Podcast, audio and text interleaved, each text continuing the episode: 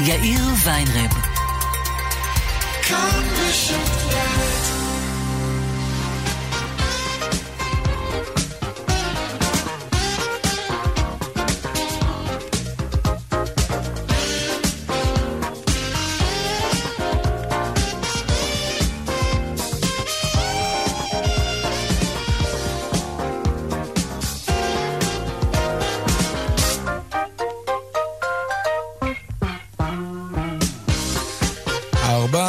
וחמש דקות ועוד שלושים שניות, כאן צבע הכסף ברשת ב', תוכנית שנייה השבוע, שלום רב לכם, העורך רונן פולק, מפיק צבע הכסף אביגל בשור, הטכנאי חיים זקן, אני יאיר ויינדרי, מוזמנים לעקוב גם בטוויטר, חפשו בטוויטר צבע הכסף. הדואל שלנו, כסף כרוכית, כאן.org.il, מוזמנים ליצור קשר גם בדף הפייסבוק שלנו, כאן ב', מיד מתחילים.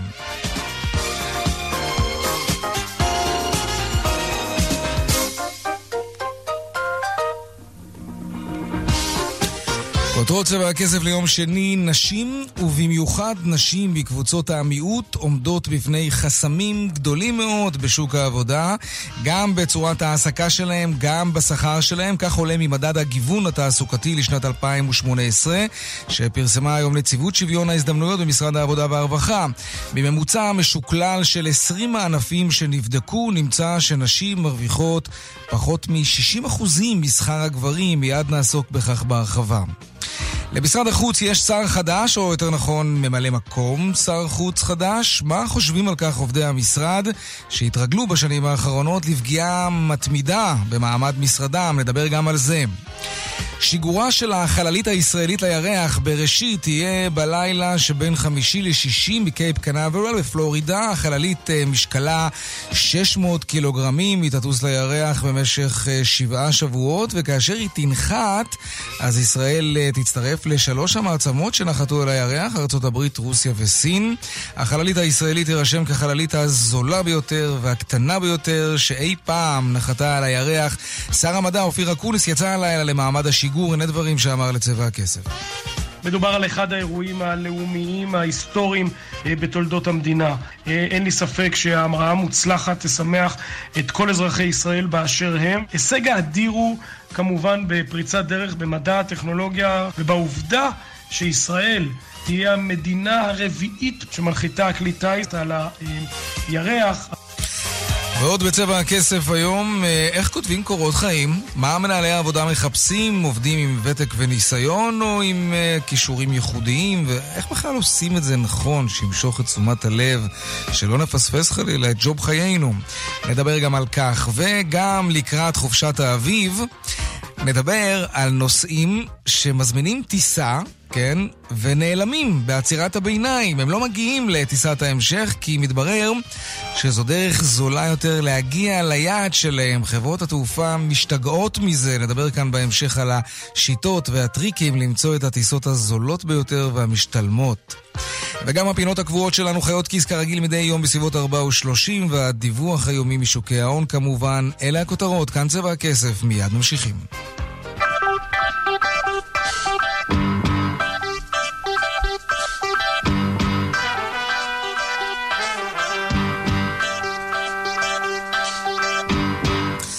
אז נציבות, אה, הנציבות לשוויון הזדמנויות בעבודה במשרד ראש הממשלה, יחד עם הלשכה המרכזית לסטטיסטיקה וגם אוניברסיטת תל אביב לקחה בזה חלק, פרסמו היום משהו שמאוד מאוד צריך לעניין אותנו, מדד הגיוון בתעסוקה. שלום עורכת הדין מרים קאבה, נציבת שוויון ההזדמנויות בעבודה במשרד העבודה והרווחה, שלום לך. שלום יאיר ולמאזינות ולמאזינים. בהחלט. אוקיי, נתחיל קודם כל, מה זה בכלל אה, מדד הגיוון? מה בדקתם בדיוק? מדד הגיוון שאנחנו מפרסמים uh, בפעם השלישית בשיתוף פעולה עם uh, הלמ"ס ואוניברסיטת תל אביב, כן. בודק, הוא לוקח קובץ מס הכנסה של כל השכירים במשק, קובץ נתוני אמת של השכירים, ובודק uh, ב-20 ענפים המובילים במשק עד כמה הם מגוונים לגבי חמש אוכלוסיות, ערבים, חרדים, יוצאי אתיופיה, נשים ובני ובנות 45 ומעלה, וגם בודק את uh, שוויוניות השכר שלהם. אה, הנתונים הם אה, מאוד מאוד מעניינים, כי לא מדובר לא במחקר ולא בסקר, אלא בנתוני האמת. נתוני אמת, כן. כן. אוקיי, מה, מה גיליתם למשל לגבי... אני רואה כאן, אני מעלל ככה בדוח שלכם, אני רואה למשל שגם גברים וגם נשים יוצאי אתיופיה, שיש להם תואר אקדמאי, מועסקים במספרים ממש בודדים, במספר ענפים מאוד מאוד מצומצמים. נכון, השנה אה, פשוט אה, עשינו פילוח מגדרי, כן. והממצאים הם אה, ממש, לא הייתי אומרת מפתיעים, אבל הצורמים במיוחד, שבאמת התואר האקדמי, מה שכולנו, כולנו, כולם אומרים לנו כל הזמן, תלמדו, תלמדו, תלמדו. נכון, נכון. מסתבר שהוא לא כל כך מועיל, לא לנשים ולא לקבוצות המיעוט השונות. אז בואי ננסה לצייר את זה. בואי ננסה לצייר את זה. נגיד צעיר אתיופי או צעירה אתיופית, סליחה, צעיר או צעירה ממוצא אתיופי, שיוצאים עכשיו אל שוק העבודה, מה הם צריכים לדעת שיהיה להם קשה? איפה החסמים שלהם? קודם כל, חס וחלילה, שאני לא באה להגיד שלהפסיק לרכוש uh, תואר אקדמי. ברור תואר שלא. אקדמי זה מאוד מאוד חשוב. אבל צריך אבל... להביט למציאות בעיניים, כן. נכון, אבל זה, זה ממש כשל שוק, שאנשים הולכים ולומדים, אפילו לפעמים לומדים מקצועות נדרשים, כמו כלכלה ומנהל עסקים והנדסה ותכנות וכל מיני, ועדיין נתקלים בחסמים.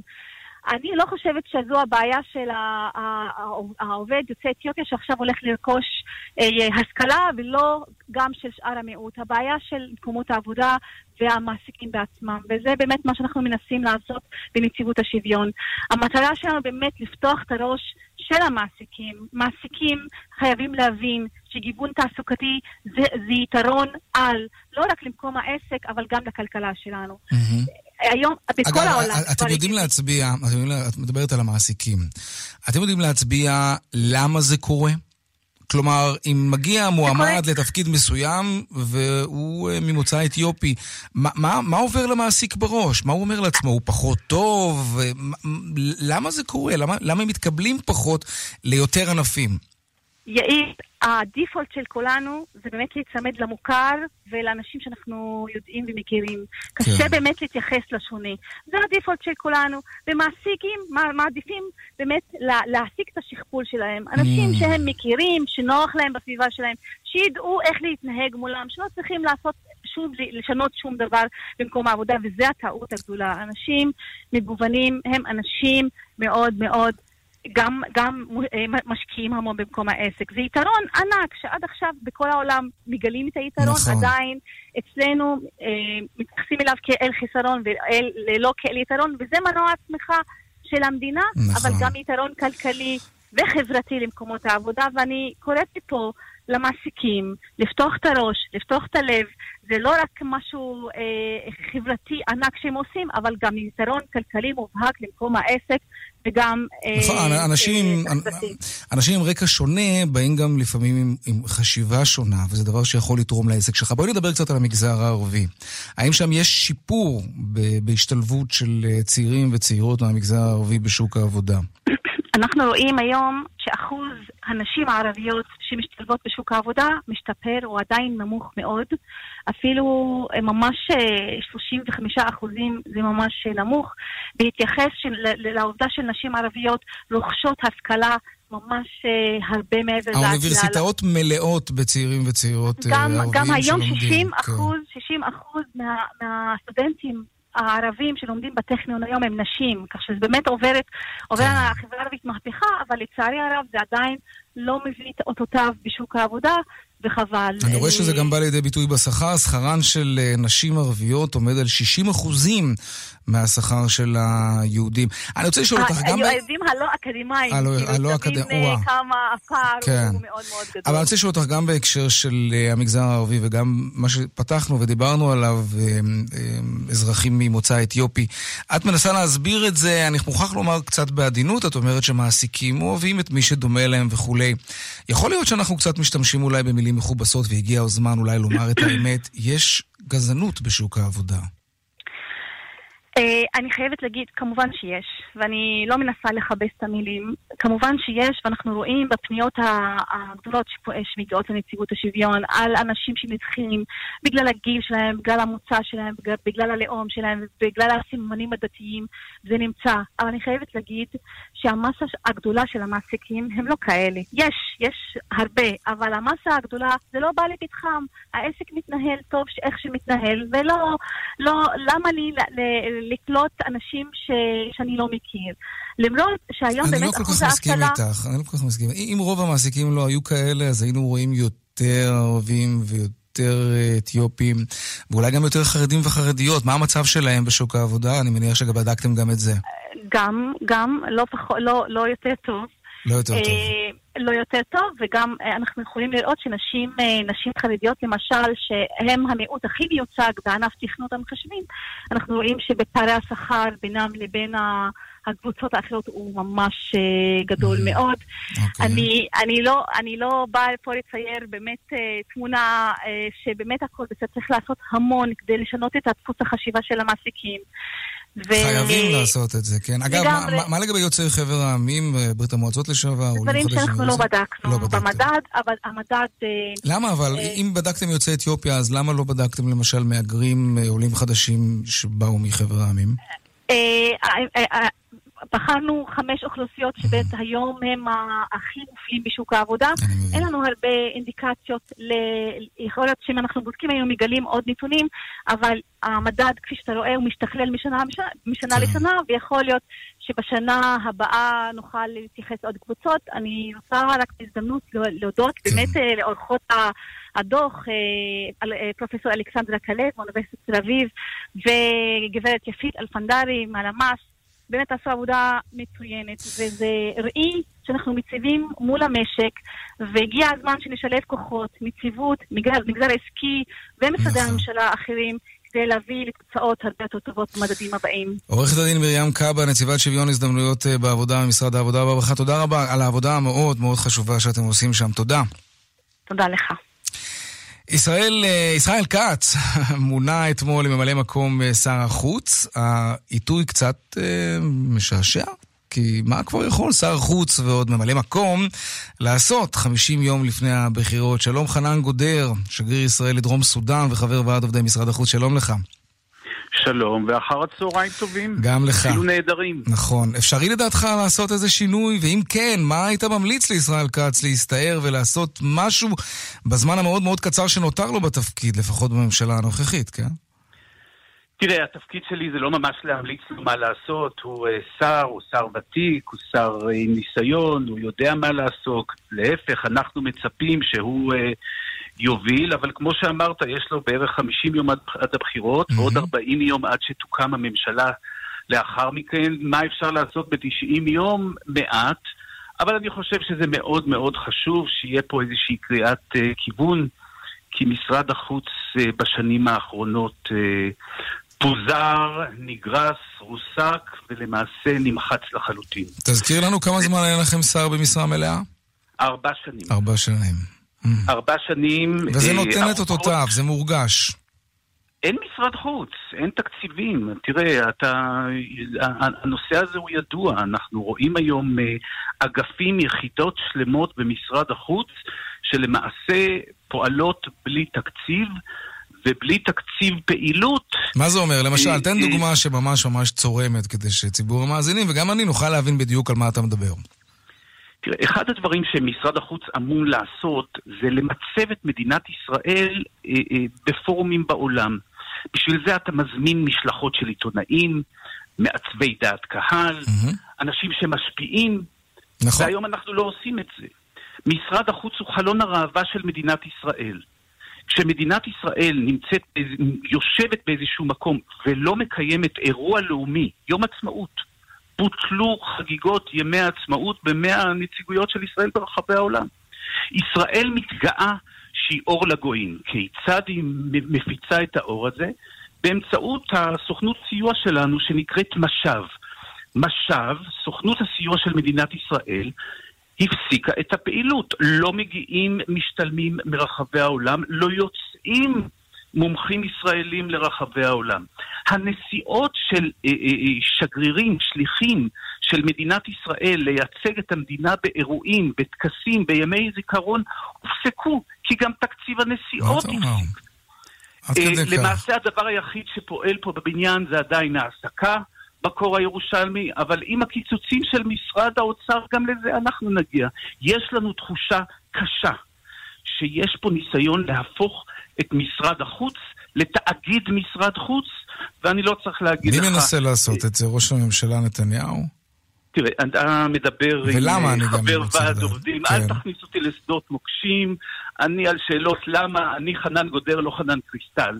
זה, זה, זה, כבר, זה, כבר שאלות, זה כבר שאלות שאני לא... אה, לא רוצה להיכנס. אבל תראה, יכול, אולי, אולי, אולי עם כל הכאב שבעניין, אולי מצאו לכם תחליפים, כמו למשל, תראה, אני רואה שהשר גלעד ארדן והמשרד שלו, המשרד לעניינים אסטרטגיים, מטפל למשל במלחמה, נדמה לי, המדינית אולי אחת הגדולות והחשובות, המלחמה ב-BDS.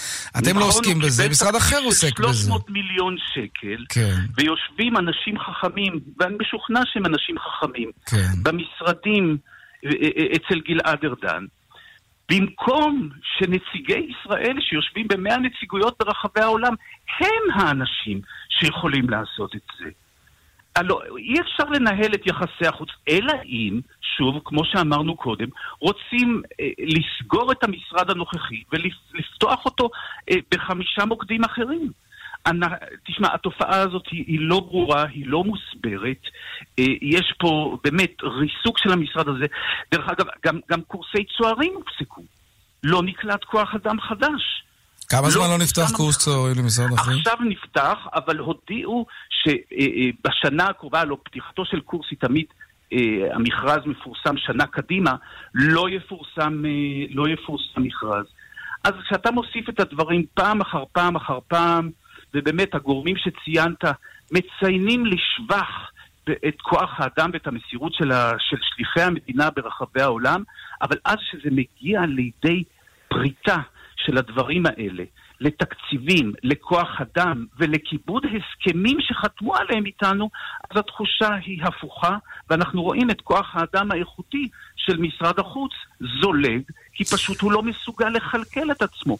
כל הסכם שחותמים איתנו, או עם משרד החוץ, כן. בסופו של דבר אה, נגרס. ו... תגיד, אתה, אתה יודע להצביע על אה, איזשהו הישג מדיני שפספסנו, או נזק מדיני שנגרם לנו אה, בגלל המציאות הזאת שאתה מתאר? תראה, מצבה של ישראל טוב. אבל מצבה של ישראל היה יכול להיות הרבה יותר טוב. איפה למשל? בהצבעות בפורומים בינלאומיים, בביקורים בדעת קהל. אז זה שהמצב הוא טוב, זה לא אומר שאנחנו צריכים להסתפק במה שיש. לו היו תקציבים, לו היה כוח אדם, לו היינו מזמינים עיתונאים, הלוא כל מדינה שנמצאת באיזשהו אה, אה, מחלוקות עושה את זה. מדינת ישראל, אני אתן לך דוגמה קטנה, מחזיקה שישה דיפלומטים באו"ם מול שש מאות של מדינות ערב. עכשיו, איך שישה דיפלומטים חרוצים, מוכשרים ויעילים כמה שהם יהיו, יצליחו להתרוצץ? כן, זה טוב, אבל מספרית, מספרית אנחנו תמיד נהיה בנחיתות לעומת העולם נכון, הערבי, אבל למה הלכת רחוק? אני רוצה לשאול אותך על המשבר הנוכחי עם פולין. מה דעתך על האמירה הזאת, גם של ראש הממשלה, ואתה יודע מה, נלך לאמירה הטריה של ממלא מקום שר החוץ ישראל כץ, על כך שהפולנים יונקים את האנטישמיות מ- מילדותם, מינקותם, מאימם. זו, זו סוגיה מעניינת, מרתקת, ששייכת לפוליטיקאים. אה, למה פוליטיקאים? אני רוצה, רגע, שנייה, אם שר חוץ היה בא להתייעץ איתך, שגריר, כן? היה אומר לך, תראה, אני מתכוון להגיד את הדבר הזה, לא היית אומר לו? כשהוא יוצא ממני את חוות דעתי על איך לנהוג ומה לעשות כלפי דרום סודאן, אני אומר לו את זה. אני אוקיי. פה מדבר כרגע בתור נציג של עובדים של משרד, שפשוט נגרס יש במשרד החוץ היום עובדים שיודעים לכבות את השרפה הזאת מול פולין? בוודאי, זה, זה התפקיד שלנו. אבל אנחנו, עושים את זה? אנחנו, ה- ה- ה- הסיפור האם במקרה הזה, המאוד מאוד בולט, אנחנו הרי יודעים שפולין היא מדינה שיש לה רגישות מאוד גבוהה אצלנו כאן, האם יש כוח האדם הנכון כדי לכבות את השריפה הזאת, או שהדברים שאתה מתאר נכונים גם למקרה הזה, ואנחנו בעצם נמצאים בסיטואציה שבגלל שמשרד החוץ כל כך חלש, קשה לכבות את השריפה הזאת. יכול, יכול מאוד להיות, יש פה את כוח האדם הטוב, יש פה את כוח האדם המקצועי, אבל כן. יש פה את כוח האדם ש, שצריך לשבת ולהאזין לו, ולכן אנחנו מברכים את השר ישראל כץ. אה, מתוך הנחה שהוא יושב כאן, אני מבין, מבין שלפחות 50 אחוז. הוא יהיה במשרד התחבורה. כן. אה, אבל, אבל שר צריך להיות עם, עם, עם אוזן למה שקורה בחצר משרדו, ולשמוע את העמדות של הגורמים המקצועיים, וכמובן השר הוא זה שבסוף שמחליט, אבל, אבל התפקיד שלנו זה להגיד, כמו שאומרים, דברים שרואים משם, השגרירים שלנו, אה, לא רואים מכאן. ואת כן. הדברים האלה זה התפקיד שלנו לעשות. חנן גודר, אה, שגריר ישראל לדרום סודאן וחבר ועד עובדי משרד החוץ, תודה רבה לך על הדברים האלה. אנחנו מקווים כמובן לשינוי. אנחנו רק מאחלים אה, לשר, ישראל, לשר כץ שבמשרד החוץ הוא ירגיש בבית. תודה, חנן. ערב טוב. להתראות. אז איך אתם uh, מגיעים לעבודה? במכונית הפרטית שלכם? באוטובוס? רכבת? אולי קרפול? טרמפים? אולי בכלל יש לכם מזל ואתם יכולים ללכת ולחזור ברגל, שזה ממש נפלא. בנק ישראל בדק איך אנחנו עושים את זה. שלום דוקטור עדי ברנדר, ראש אגף מקרו-כלכלה ומדיניות בבנק ישראל, שלום לך. שלום, צהריים טובים. בין היתר, אתם כותבים בדוח שלכם שהשכבות הנמוכות נוהגות להשתמש בתחבורה ציבורית והמעמד הגבוה נוסע בעיקר במכונית פרטית, וזה לא באמת מפתיע, אבל מצד שני, בדקתם מה קורה לבני המעמד הגבוה אם יש לו ליד הבית והעבודה תחבורה ציבורית נגישה ונוחה. מה גיליתם במקרה הזה? נכון, אלו באמת הממצאים היותר מעניינים של המחקר שאגב נכתב על ידי דוקטור טניה סוחוי ויותם סופר, ומה שמצאנו זה שגם בעלי הכנסה גבוהה שבבעלותם רכב פרטי אה, משתמשים בתחבורה ציבורית כאשר יש להם שירות איכותי וזמין, אה, כאשר המידע נגיש להם. אה, ובפרט בדקנו אנשים שיש להם תחנת רכבת גם ליד הבית וגם ליד מקום העבודה, ומצאנו ש-13% מבין האנשים האלה שיש בבעלותם רכב פרטי עדיין מעדיפים להשתמש ברכבת כאשר השירות זמין עבורם. אבל מצד שני מדובר רק ב-13% מבין אלו שיש להם מכונית פרטית ש... יעדיפו תחבורה ציבורית אם היא תהיה נגישה ונוחה. רק 13 אחוזים, אני לא מזלזל בזה, אבל זה עדיין רק. ההערה שלך היא במקום במובן שברור שלא כולם יעברו לתחבורה הציבורית גם כאשר היא תהיה זמינה. אבל צריך לזכור גם שאם אנחנו נצליח להוריד 10-15 אחוזים מהמשתמשים ברכב לתחבורה ציבורית, יש לזה השפעה דרמטית על אורך הפקקים שנוצרים כן, בבקרים. מה לגבי מקומות עבודה שנותנים החזקת רכב והוצאות רכב ברמה גבוהה, משלמים על הקילומטראז', את הטסט, הביטוחים, זה מטבע הדברים מתמרץ את העובדים שזכאים לזה כן לרכוש רכב פרטי, זה מפתה, לא? נכון, אנחנו מוצאים את האפקט הזה בצורה מאוד ברורה בנתונים. אנשים שמקבלים מהמעסיק אה, תשלום עבור החזקת רכב אכן בוחרים להשתמש ברכב הפרטי ולא בתחבורה הציבורית. המעסיק הכי גדול אה, במשק אה, הוא המדינה. והמדינה נכון. נותנת תנאים מהסוג הזה. אתם בבנק ישראל ממליצים אולי אה, לשירות הציבורי לא להעניק הטבות כאלה של החזר הוצאות רכב כדי לעודד אנשים לנסוע בתחבורה ציבורית? זו, זו חלק מההמלצה שלכם? בהחלט, אנחנו כן. ממליצים, ובשבוע שעבר גם פרסמנו אה, מסמך נוסף שעוסק בצד, בתמונת הראי בעצם של מה שאנחנו מדברים עליו הפעם, וזה בהפחתת ההטבות לשימוש ברכב למי שמקבל אותן, אבל עוד יותר מזה גם להטיל מיסוי על המשתמשים ברכב בשעות הגודש. שני הדברים האלה חייבים לבוא ביחד. אי אפשר להטיל, או לא נכון יהיה להטיל אגרות גודש כאשר לאנשים אין אלטרנטיבה אמינה ואיכותית בתחבורה הציבורית. דוקטור אדרי ברנדר, ראש אגף מקרו, כלכלה ומדיניות בבנק ישראל, תודה רבה לך, ערב טוב. תודה, ערב טוב. עכשיו נדבר על אה, קורות חיים. יש לכם כאלה, או שאתם אה, תעדכנו אותם רק אם תצטרכו? והאם אתם בכלל יודעים איך לכתוב קורות חיים? איך עושים את זה נכון? איך נמנעים מלחפור מצד אחד? איך מושכים תשומת לב?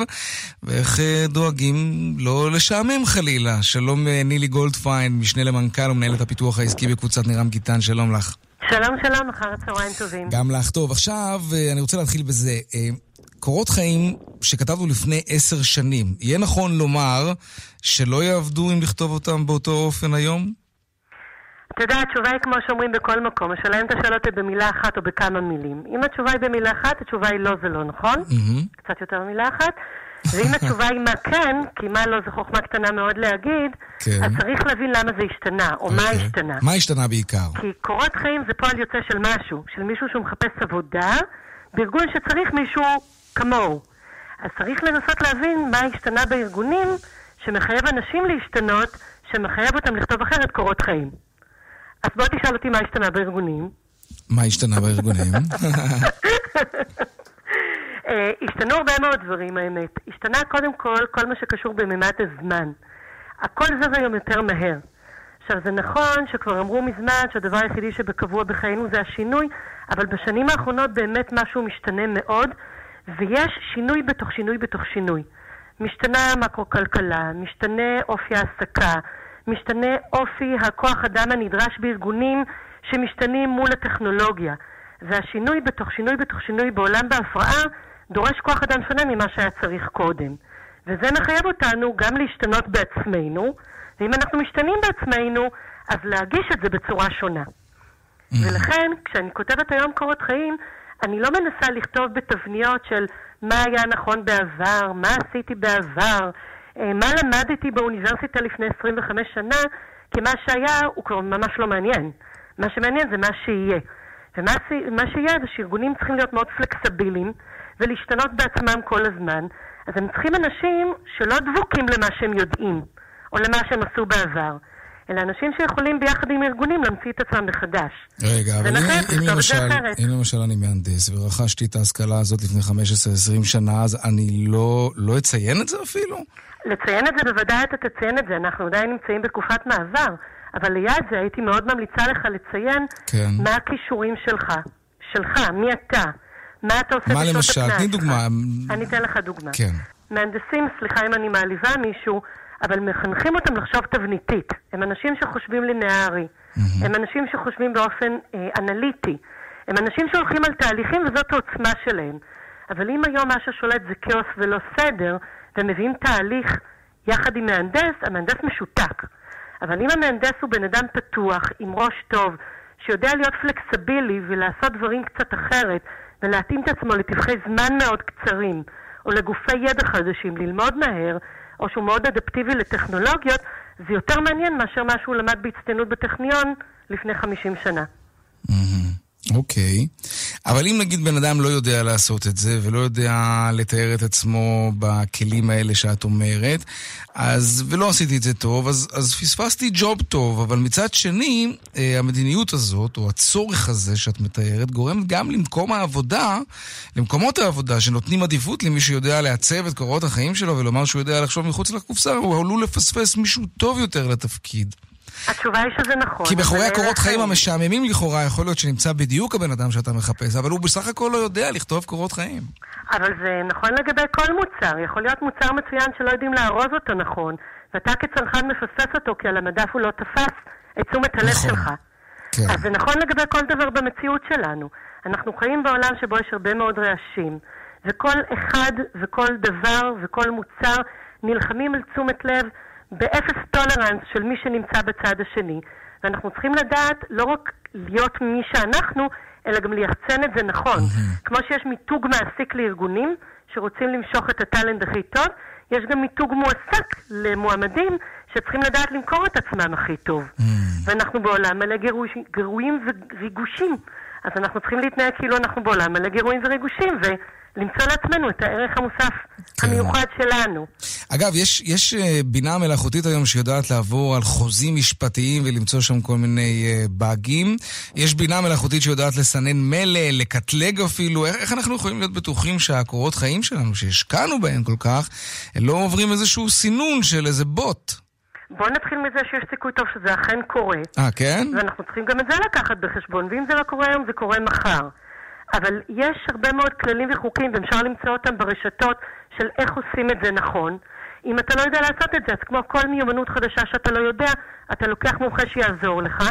אז יש מומחים, ויש כל מיני אה, מקומות באינטרנט של כזה DIY, של do it yourself, ואתה לומד משהו חדש, מיומנות חדשה, mm-hmm. של חיפוש עבודה, של הדגשת הדברים הנכונים בקורות החיים.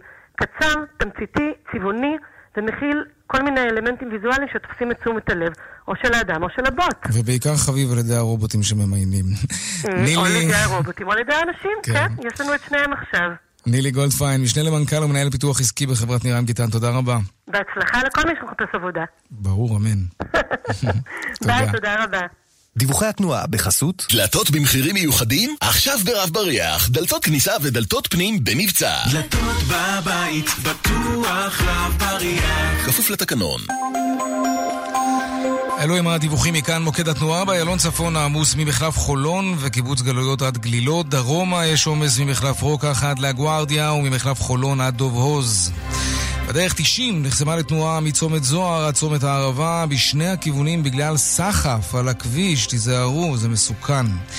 דיווחים נוספים בכאן מוקד התנועה, כוכבי 9550 ובאתר שלנו, אתר כאן, פרסומות ומיד חוזרים עם חיות כיס. מיד חוזרים עם יאיר ויינרב. נשבר לכם להתקלח? כמו בעידן הקרח? למים חמים שלא נגמרים? מחמם המים של אמיסרגז. ועכשיו, במבצע מיוחד ללקוחות אמיסרגז. כי על מים חמים לא מתפשרים. חייגו, כוכבית 3626 שני זוגות מולטיפוקל שבמבצע. משקפיים אופטיים מולטיפוקל. משקפי שמש מולטיפוקל. במאה שקלים לחודש בלבד. ב-12 תשלומים. אופטיקה הלפרין. כפוף לתקנון. trade-in המרה מטורף בפלאפון. סמארטפונים, גם 500 אחריות וגם עד 2,000 שקלים הנחה בהחזרת מכשיר ישן. תקף בחנויות נבחרות. פרטים באתר פלאפון. כפוף לתנאים. חמישים מי קיבל? חמישים אני קיבלתי. רוצים להיות בין החמישים שיקבלו מטבח חדש של זיו בתנאים מיוחדים לפני הפסח? חייגו עכשיו, כוכבי 9693, ומטבח מעוצב של זיו יכול להיות בדרך עליכם. המבצע עד 28 בפברואר, כפוף לתקנון. זיו, מטבחים שהם תפיסת חיים. שלום, 19 בפברואר, יום ההתרמה השנתי של אגודת ניצן, האגודה לקידום ילדים ובוגרים עם ליקויי למידה, ארגוני החרשים וכבדי השמיעה, עמותת ער"ן ועמותת נט"ל, נפגעי טראומה על רקע לאומי. תלמידי בתי הספר יגיעו לבתיכם. אנו מזמינים אתכם לתרום ברוחב לב. תודה. מתמודד עם בעיות רפואיות? אולי מגיע לך כסף מהביטוח הלאומי. לביטוח הלאומי לא הולכים בלי העזרה של חברת לבנת פורן. חייגו כוכבית 2468. חברת לבנת פורן. השירות אין... trade-in המרה מטורף בפלאפון. סמארטפונים, גם 500 אחריות וגם עד 2,000 שקלים הנחה בהחזרת מכשיר ישן. תקף בחנויות נבחרות. פרטים באתר פלאפון. כפוף לתנאים. ארבעה צמיגים ב-600 שקלים בלבד? מבצע מטורף באוטודיפו. ארבעה צמיגים לרכב רק ב-600 שקלים. כולל ההתקנה ואיזון. אל תחמיצו, כי כשמדובר בצמיגים, סומכים רק על אוטודיפו. לצמיגים שבמבצע כפוף לתקנון. שני זוגות מולטיפוקל שבמבצע. משקפיים אופטיים מולטיפוקל. משקפי שמש מולטיפוקל. במאה שקלים לחודש בלבד. ב-12 תשלומים. אופטיקה הלפרין. כפוף לתקנון. זיו שלום. מטבחי זיו שלום שלום. אני חייבת מטבח חדש, ואני חייבת אותו עד לחגים. למה לחגים, גברתי, אם אפשר לחג הפסח? רק 50 המזמינים הראשונים עד 28 בפברואר יוכלו לקבל מטבח של זיו בתנאים מיוחדים לפני חג הפסח. כפוף לתקנון. כוכבי 9693. זיו, מטבחים שהם תפיסת חיים. עמית, אנחנו לא חייבים לדבר רק על פוליטיקה בתוכנית שלנו. נכון, יש הרבה נושאים שאנחנו יכולים לדבר עליהם. לא הכל זה בחירות. למשל? אמ, למשל... אמ, רגע לפני הבחירות, ירון דקל ועמית סגל מגיעים לכאן רשת ב' בימים המכריעים של הפוליטיקה הישראלית, בכל חמישי, בשמונה בבוקר. כאן רשת ב'. כאן רשת ב'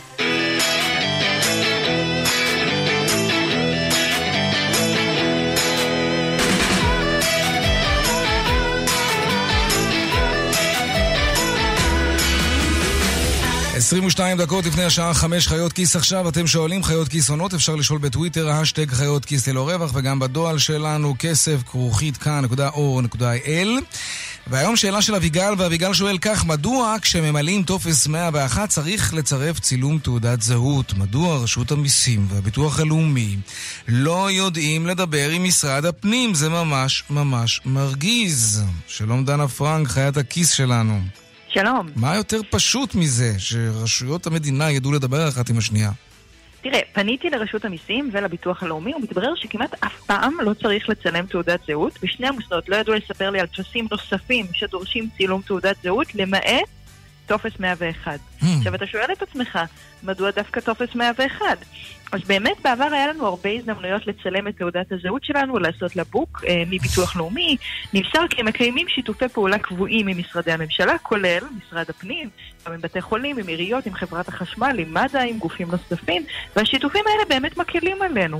אבל אי אפשר לדרוש מכל המעסיקים במדינת ישראל שיקיימו קשר כזה עם משרד הפנים.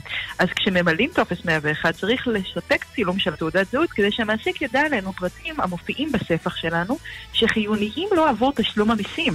כמה ילדים יש לנו, היכן אנחנו גרים, מה, אם אנחנו נשואים או לא נשואים, ועוד ועוד. Mm, אוקיי.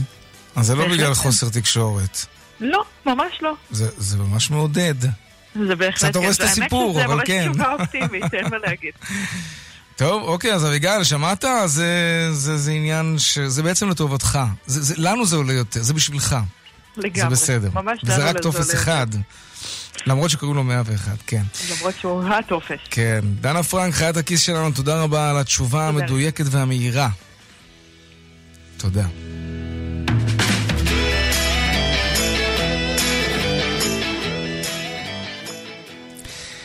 בעיר אילת מחריפים את המחאה נגד סגירת שדה דוב ומזהירים שסגירת השדה בעוד כחצי שנה תדרדר את העיר למצב חירום. עד כדי כך, וכדי להמחיש את זה, הם מתכננים בעירייה שביתת מחאה, הם מאיימים לסגור את העיר אילת. שלום יאיר יצחק הלוי, ראש עיריית אילת. שלום לך יאיר. צריך להגיד שסגירת השדה תהיה בדיוק, נדמה לי, ביום הראשון של חופשת הקיץ, אה, כשמשפחות שלמות היו אולי אה, מגיעות לשם כדי לטוס לאילת, אבל אולי אותן משפחות יגיעו לטרמינל 1 בנתב"ג, הרי מי שרוצה להגיע לאילת ימצא את הדרך, אולי זה לא מצב חירום כמו שאתם חוששים מפניו. אה, יאיר, אני חייב להגיד לך שאתה טועה טעות גדולה מאוד. החלופה של בן גוריון היא חלופה לא ראויה, לא איכותית. אה, תצמצם את האפשרות להגיע אילת בהיקפים של כ-80 אחוז. אם נכון להיום, יש לנו אה, משהו בסדר גודל של כ-13-14 טיסות לכיוון אחד, אנחנו הולכים לקבל רבע מזה. אה, נוסיף לכך שהנגשת בן גוריון למרכז תל אביב היא- קשה במיוחד, לכן אה, החלופה הזו היא חלופה שמבחינתנו אה, רעה. אנשים אה, יוותרו. על, אנשים יוותרו על היעד האהוב עליהם להגיע לאילת רק בגלל שזה לא כל כך נוח להגיע לנתב"ג? זה אני מה יכול שאתה לספר אומר? לך שבעבר שדה דוב היה סגור בשיפוצים למשך כארבעה חודשים. א', היה קיטון דרמטי כן. במספר התיירים לעיר אילת, אבל לא זאת. מדובר בתושבי אילת. שדה דוב משמש כתחנה מרכזית של תושבי אילת, העיר שנמצאת כעיר הדרומית ביותר במדינת ישראל, והמחשבה שמישהו אה, אה, חושב שיכול לסגור את התחנה המרכזית ל-65 אלף תושבים, שחלקם אנשים חולים, סטודנטים, רופאים שצריכים להגיע, להעניק לנו טיפולים רפואיים, לסגור מבלי לתת לנו מענה ראוי. זו מחשבה הזויה, לדעתי רעה, מרשעת, ולזה אנחנו לא יכולים לאפשר. אתה יודע כבר לומר שיש פחות הזמנות לקראת הקיץ לאילת? אני אומר את זה באופן חד משמעי. ברגע ושדה דוב יהיה סגור, כמות התיירים שיגיעו לאילת תהיה קטנה. אוקיי. ברור לי לגמרי ששדה התעופה החדש רמון, ברגע ולא יוזן משדה דוב, המספרים יקטנו באופן Mm. דרמטי, העומסים שיהיו על הכביש הערבה, הכביש המסוכן יש לומר, יהיו עומסים גבוהים, וכבר היום אנחנו רואים. אם- אוקיי. אז אם אתה- מחירי- אתה כותב מכתב לראש הממשלה, מה אתה כותב לו שם במכתב הזה? אני אומר לראש הממשלה, שמאחר ואני אה, נציג ציבור בדיוק כמוהו, ומאחר ואני מייצג אה, 64 אלף תושבי אה, עיר שנמצאים בעיר הרחוקה ביותר במדינת ישראל, אני מבקש, יאפשר לי להציג את הטיעונים שלנו בצורה מסודרת, להבהיר לו שלצערי הרב הנתונים שהוא מקבל, נתונים שבחלקם נתונים שגויים וחלקם נתונים מגמתיים, ולבקש ממנו שידחה את ההחלטה הזו עד מציאת פתרון ראוי אה, לתושבי העיר אילת. אני רוצה להזכיר לך, יאיר, ניתן לבנות בשטח שדה דוב מעל ל-8,000 יחידות ולהשאיר את המסלול במיקומו הנוכחי. לידיעתך, ואני אומר את זה כחבר מועצה ארצית לתכנון ובנייה, לבנות 8,000 יחידות זה עבודה של לפחות עשר שנים. ואני שואל, מה הבהלה? מה החיפזון? למה לסגור עיר אה, אה, אה, בהינף אחת, מבלי לחמול עליה, מבלי להבין שמדובר פה באנשים חיים ונושמים, מבלי להבין שבעצם סוגרים פה עורק חיים ל-65 אלף תושבים? הרי זה מעשה לא הגיוני. אוקיי, מה, יש- מה אתם מתכננים? שביתת מחאה של יום? מה, מה זה אומר? ולאן אתה חושב שזה יכול להביא אתכם? אנחנו מתכננים שביתת מחאה ושביתות רעב וכל פעולה. אם מישהו יחליט שהוא סוגר את העיר, אנחנו נסגור אותה לפני, לפני החלטה שלה. זה, זה מה שנעשה, ואין לא- אין יוצא ואין בא, עד שיבינו. שהעיר הזו חייבת לקבל ממנו תשומת לב ראויה. אתה יודע, אני חייב לא להגיד לך. אני חייב להגיד לך שזה תמיד מעורר השראה לראות אנשים שנאבקים, מה שנקרא, נגד כל הסיכויים, בכוחות גדולים מהם, ולפעמים זה, לפעמים זה אפילו מצליח, כן? השאלה אם הפעם באמת לא מדובר אולי בקרב אבוד מראש, הממשלה אישרה את סגירת השדה. אולי במקום לבזבז את הזמן על המאבק הזה, היה עדיף אולי להשקיע יותר בלמזער נזקים. את, אתם מבזבזים זמן. במהלך 16 שנות עבודתי כראש עיריית אילת נאבקתי עם לא מעט דברים, גם נאבקתי מול הדוכנים על הטיילת וניצחתי, וגם מאבקים נוספים. במקום שיש צדק, יש סיכויי ניצחון גבוהים.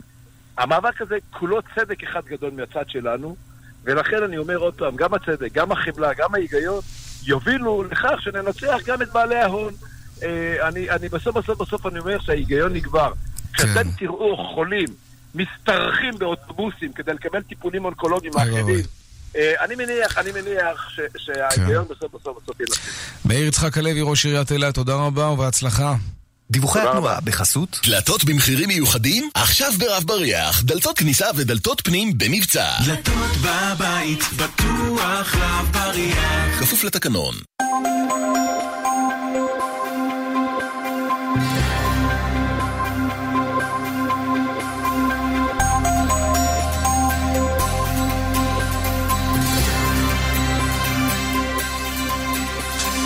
אלו הם הדיווחים מכאן מוקד התנועה, דרך שש דרומה עמוסה ממחלף קסם עד נחשונים בגלל משאית תקועה. צפונה יש אה, עומס ממחלף קסם עד מחלף חורשים.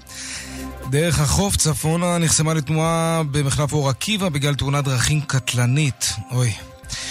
גם uh, צפונה עמוס ממחלף חוף השרון עד וינגייט ובמחלף נתניה עד מחלף ינאי.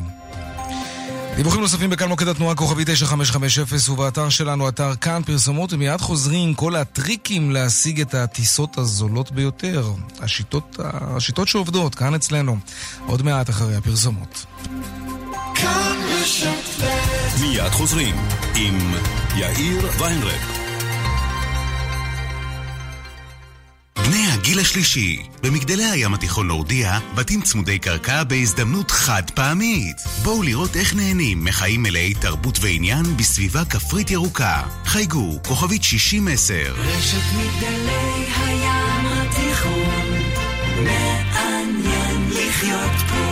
פה. עד גמר המלאי. חמישים מי קיבל? חמישים אני קיבלתי. רוצים להיות בין החמישים שיקבלו מטבח חדש של זיו בתנאים מיוחדים לפני הפסח? חייגו עכשיו, כוכבי 9693, ומטבח מעוצב של זיו יכול להיות בדרך עליכם. המבצע עד 28 בפברואר, כפוף לתקנון. זיו, מטבחים שהם תפיסת חיים. בבחירות הקרובות אני בוחר ב...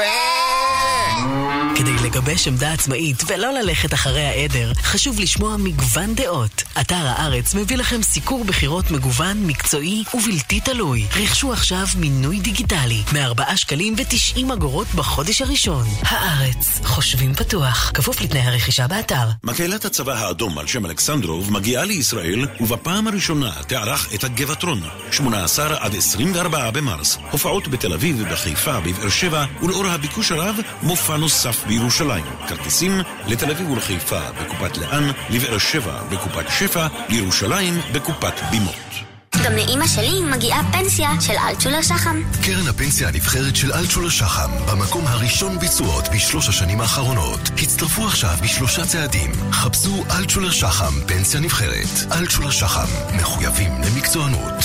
מתוך נתוני פנסיה ל-31 בדצמבר 2018 במסלולים תלויי גיל עד גיל 60. אין באמור כדי להוות תחליף לייעוץ פנסיוני אישי או התחייבות להשגת תשואות. אני יכול להבין את הבנק שמחליט לקחת 40% עמלה בממוצע על ביטוח המשכנתה. בכל זאת, בנק הוא עסק כלכלי. מה שאני לא מבין, זה אנשים שמחליטים לעשות ביטוח משכנתה בבנק. נמאס לכם לשלם עמלות מיותרות? עברו ל-AIG, ביטוח המשכנתה הזול בישראל.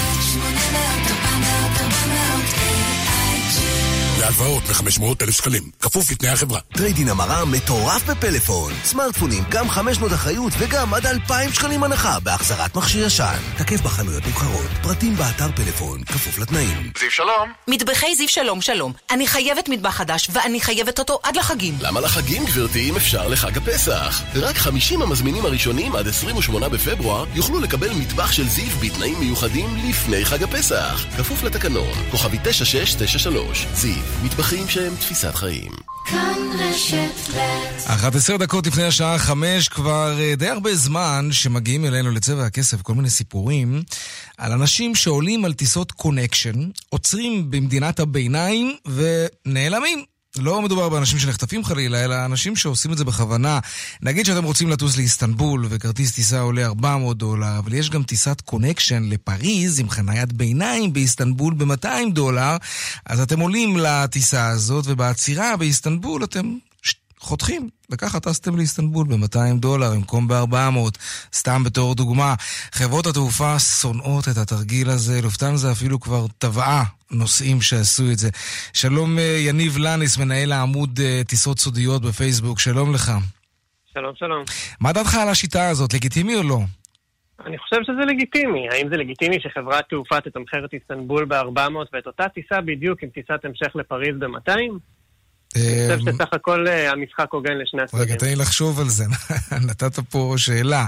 אבל תראה, אני אגיד לך למה אולי זה לא לגיטימי, כן? כי אתה תופס מקום של מישהו שכן רצה להגיע ליעד הסופי, כן? לפריז לצורך העניין, והוא לא יכול לעשות את זה, כי יש איזה טרמפיסט שהחליט להתחכם.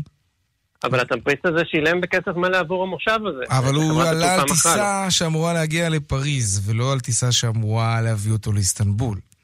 נכון, אבל המושב היה פנוי, אה, ויכלת לקנות אותו אה, בחברת התעופה או דרך סוכן נסיעות. אה, זו פרקטיקה כן. קודם כל שחשוב לי להבהיר כאן, שהיא קצת יותר מקובלת לנוסעים שהם קצת יותר מנוסים ומכירים את הטריק הזה, וכמובן ממה להיזהר וממה להימנע, ולכן כן חשוב לי להזהיר כאן את, ה, את הקהל, שכן יש פה כמה דברים שחשוב לשים לב אליהם. קודם ברור. כל, לעשות את זה רק על כרטיסי one way, כרטיסים לכיוון אחד. אה, אם יש לכם כרטיס חזור מפריז שעובר באיסטנבול, ובהלוך אתם אה, כמובן אה, חתכתם באיסטנבול, כנראה ששאר המקטעים של אותו הכרטיס יבוטלו ברגע שלא תופיעו לאחד מטיסות, מהטיסות שקורטסו כן. במקטעים שלכם. אוקיי. אז קודם כל לא לעשות את זה בכרטיסי הלוך חזור, ויש פה גם את כל נושא שליחת הכבודה, שבהרבה פעמים כשתשלחו את הכבודה שלכם, אה, הכבודה תישלח ליעד הסופי. אה, אז א', מומלץ צריך לא לקחת את זה לשלוח בחשבון. כן. ולקחת את זה מאוד בחשבון. מומלץ, כן. אה, יש אנשים שהם קצת יותר יצירתיים ומנוסים, ובכוונה גם בונים לעצמם כרטיס עם קונקשן ארוך באיסטנבול, אני אשאר עם הדוגמה שלך, כן. של 10-12 שעות, שיהיה להם איזשהו תירוץ לבקש בדלפק צ'ק-אין, לקבל את הכבודה באיסטנבול בשביל אותו הערב במלון. ואז הם חותכים. ואז הם חותכים. אה, אני חושב אבל שגם קצת יותר מנומס לבוא לחברת התעופה, אם וכאשר כבר חותכים, ולבוא ולהודיע להם, אני לא הולך להגיע לטיסת ההמשך. אה, זה פשוט הופך את כל האופרציה לקצת יותר נוחה מבחינת חברת התעופה, שלא יחכו, יחפשו אותך אה, בגייט. מה היקף התופעה? כמה אנשים עושים את זה, תגיד? אני לא מאמין שהרבה אנשים עושים את זה, אני חושב אבל שכל פעם שחברת תעופה מחליטה לתבוע אה, נוסע בודד שעשה את זה, אה, הנוסע הזה עולה לכותרות ומקבל אה, מודעות מאוד מאוד גדולה בקרב הציבור, אה, וגם אנחנו כציבור שתמיד מחפש את הטיסות הזולות ביותר ואת הטריקים להוזיל, אה, זה פשוט הופך להיות משהו יותר ויותר פופולרי. אה, יש אתר אמריקאי, אם קצת תחפשו בגוגל על התופעה הזאת של hidden city, כן. שבנה בחור שממש מחפש איפה אפשר לחסוך כסף על ידי רכישה של טיסה עם קונקשן וירידה בקונקשן. יונייטד איירליינס כמובן תבעה אותו והפסידה. אמ, אבל האתר הזה... בסדר, לופטנזה גם הפסידה אגב בתביעה הזאת, או שזה עדיין מתברר? הבנתי שזה עדיין מתברר, הם הפסידו, עכשיו הם ערערו. טוב, תשמע, אני חייב לעצור אותך כאן, יניב. אני רק אקריא משפט מעמוד הפייסבוק שלכם. טיסות סודיות חושפים את הסוד, קיבצנו בעבורכם את עשרת קיצורי הדרך שיביאו אתכם אל היעד במחיר הנמוך ביותר. זה היה ספוילר. אנחנו נשמח אם תעלה מחר לשידור, כי זמננו לצערי הגדול תם. אז אנחנו נשמח אה, להמשיך את הנושא המאוד מעניין הזה, שבוודאי מעניין הרבה מאוד אנשים גם מחר. יניב לניס, מנהל העמוד טיסות סודיות בפייסבוק, תודה רבה בינתיים. בכיף להתראות. ועכשיו לעדכון היומי מהבורסה בתל אביב. 200, take them.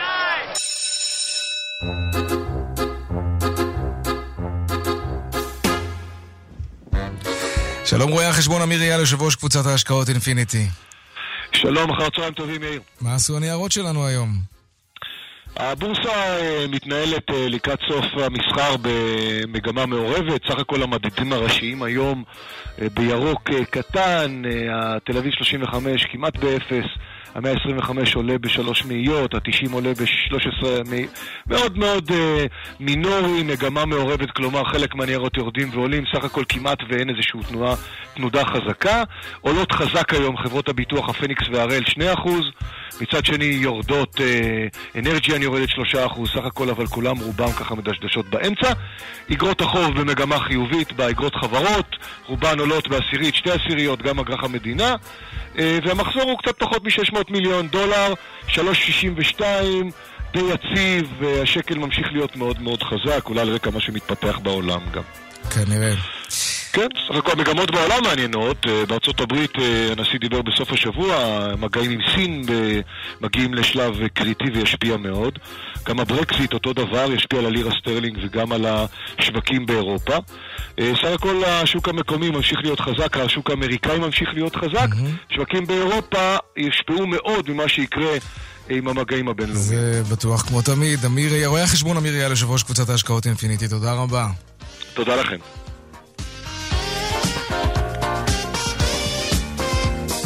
עד כאן צבע הכסף ליום שני, העורך רונן פולק, מפיק צבע הכסף אביגל בשור, הטכנאי חיים זקן, אני יאיר ויינרי, מוזמנים לעקוב גם בטוויטר, חפשו בטוויטר צבע הכסף. הדואל שלנו כסף כרוכית כאן.org.il מיד אחרינו כאן הערב עם רן בנימיני ואמילי אמרוסי, ערב טוב ושקט שיהיה לנו, שלום שלום.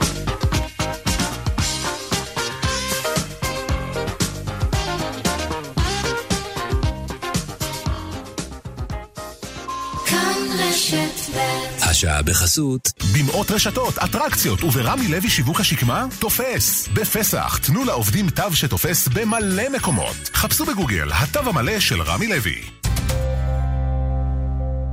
אין לכם זמן לקורקומין אחר. קורקומין אפקט של ברת צמחים בטכנולוגיית ה-CPC לספיגה משופרת. קורקומין אפקט, רק מ-99 שקלים. פח שמרוקן את עצמו עדיין אין. אבל מהיום האיי רובוט שלכם מרוקן את עצמו לגמרי לבד. חדש, איי רובוט i7 פלוס, משנה את עולם הניקיון שלכם לעד. איי רובוט i7 פלוס עם מערכת אוטומטית לריקון אשפה ועוצמת ניקיון גבוהה עד פי עשרה. איי רובוט i7 פלוס. התקשרו כוכבית כוכבית 3055, איי רובוט. נתקעתי במשקוף. לעיסוי ולשיפור ההרגשה במצב של כאבי שרירים וחבלות, טראומיל של אלטמן. תמיד טוב שיהיה בבית. תכשיר הומואפטי ללא התוויה רפואית מאושרת. איך אנשים עדיין עושים ביטוח משכנתה בבנק ולא בודקים גם בביטוח ישיר? זו עצלנות לשמה. לגמרי. אפילו בנקאים יגידו לך את זה. מאיפה אתה יודע? שאלתי בנקאי. נראה לי אתה מתבלבל עם סכנאי. בנקאי, מקור ארוך כזה, שק בקצה.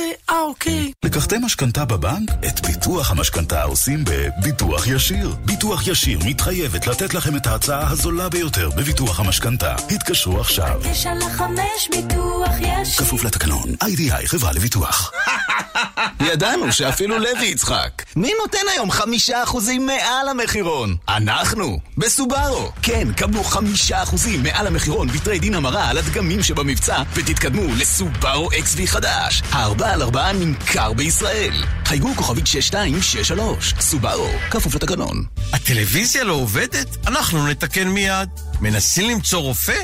ייצרו, הרופאה כבר בדרך. מחפשים טיול, הופעה, קונצרט, שקט נפשי, ביטחון אישי. כל זה הוא רק חלק ממה שאנו מעניקים לדיירים בדיור המוגן שלנו. כאן חיים ברקן, בואו לבקר בבית גיל פז. הדיור המוגן בכפר סבא. אני מאמין שתרצו להישאר. חפשו בגוגל בית גיל פז, או התקשרו 1-700-55-70-80. רוצים שבחורף הזה הילדים ישתו יותר מים? מבצע פברואר עכשיו בשטראוס מים. הזמינו היום את אחד מברי המים תמי 4 במחיר משתלם במיוחד ולזמן מוגבל. כוכבית 6944 או באתר. בתוקף עד 22 בפברואר 2019. כפוף לתקנון. על פי סקר TNS מאי 2018. אחי, מכרתי את הרכב שלי. מזל טוב, למי? בהפסד של 40 אלף. בקטנה אחי, אבל למי? אתה קולט? הפסדתי חמש משכורות. אוקיי, אבל... אלף ארוחות צהריים! אלף! כשאתם קונים רכב חדש, אתם תמיד חושבים כמה תפסידו עליו. אז כדאי שתבואו לאופרייט, הילדים הטובים של עולם הרכב. המציעים מסלולי ליסינג פרטי ותפעולי משתלמים לרכב חדש. חייגו כוכבית 5880. כפוף לתקנון. שירביט שלום. היי, אה, זה שוב חנוך דאום. כן, חנוך, איך אפשר לעזור? כן, תגידי, בעניין החודשיים מתנה בביטוח הרכב, יש סיכוי להשאיר את זה בינינו? פשוט לאשתי יש יום הולדת, רציתי להפתיע. לא, זה מבצע לכל המבטחים. חוץ מזה, זה ברדיו. אז תנמיכי. עכשיו בשירביט, חודשיים מתנה בביטוח המקיף לרכב. חודשיים מתנה. כוכבית 2003, שירביט. כפוף לתנאי המבצע. קבלו קטע. חסן נסראללה אחרי 12 שנה בבונקר מביע את צערו על כך שאינו יכול לצאת ולמחזר בקבוקים. أنا 12 سنة على الأن بالبنكر وما بسترجع عناني טוב, נסראללה תקוע בבונקר. מה התירוץ שלכם? די לתירוצים. בקבוקים למחזורית, יצאתם גדולים. תאגיד המחזור אלה. רן בנימיני ואמילי אמרוסי. כאן, אחרי החדשות. כאן רשת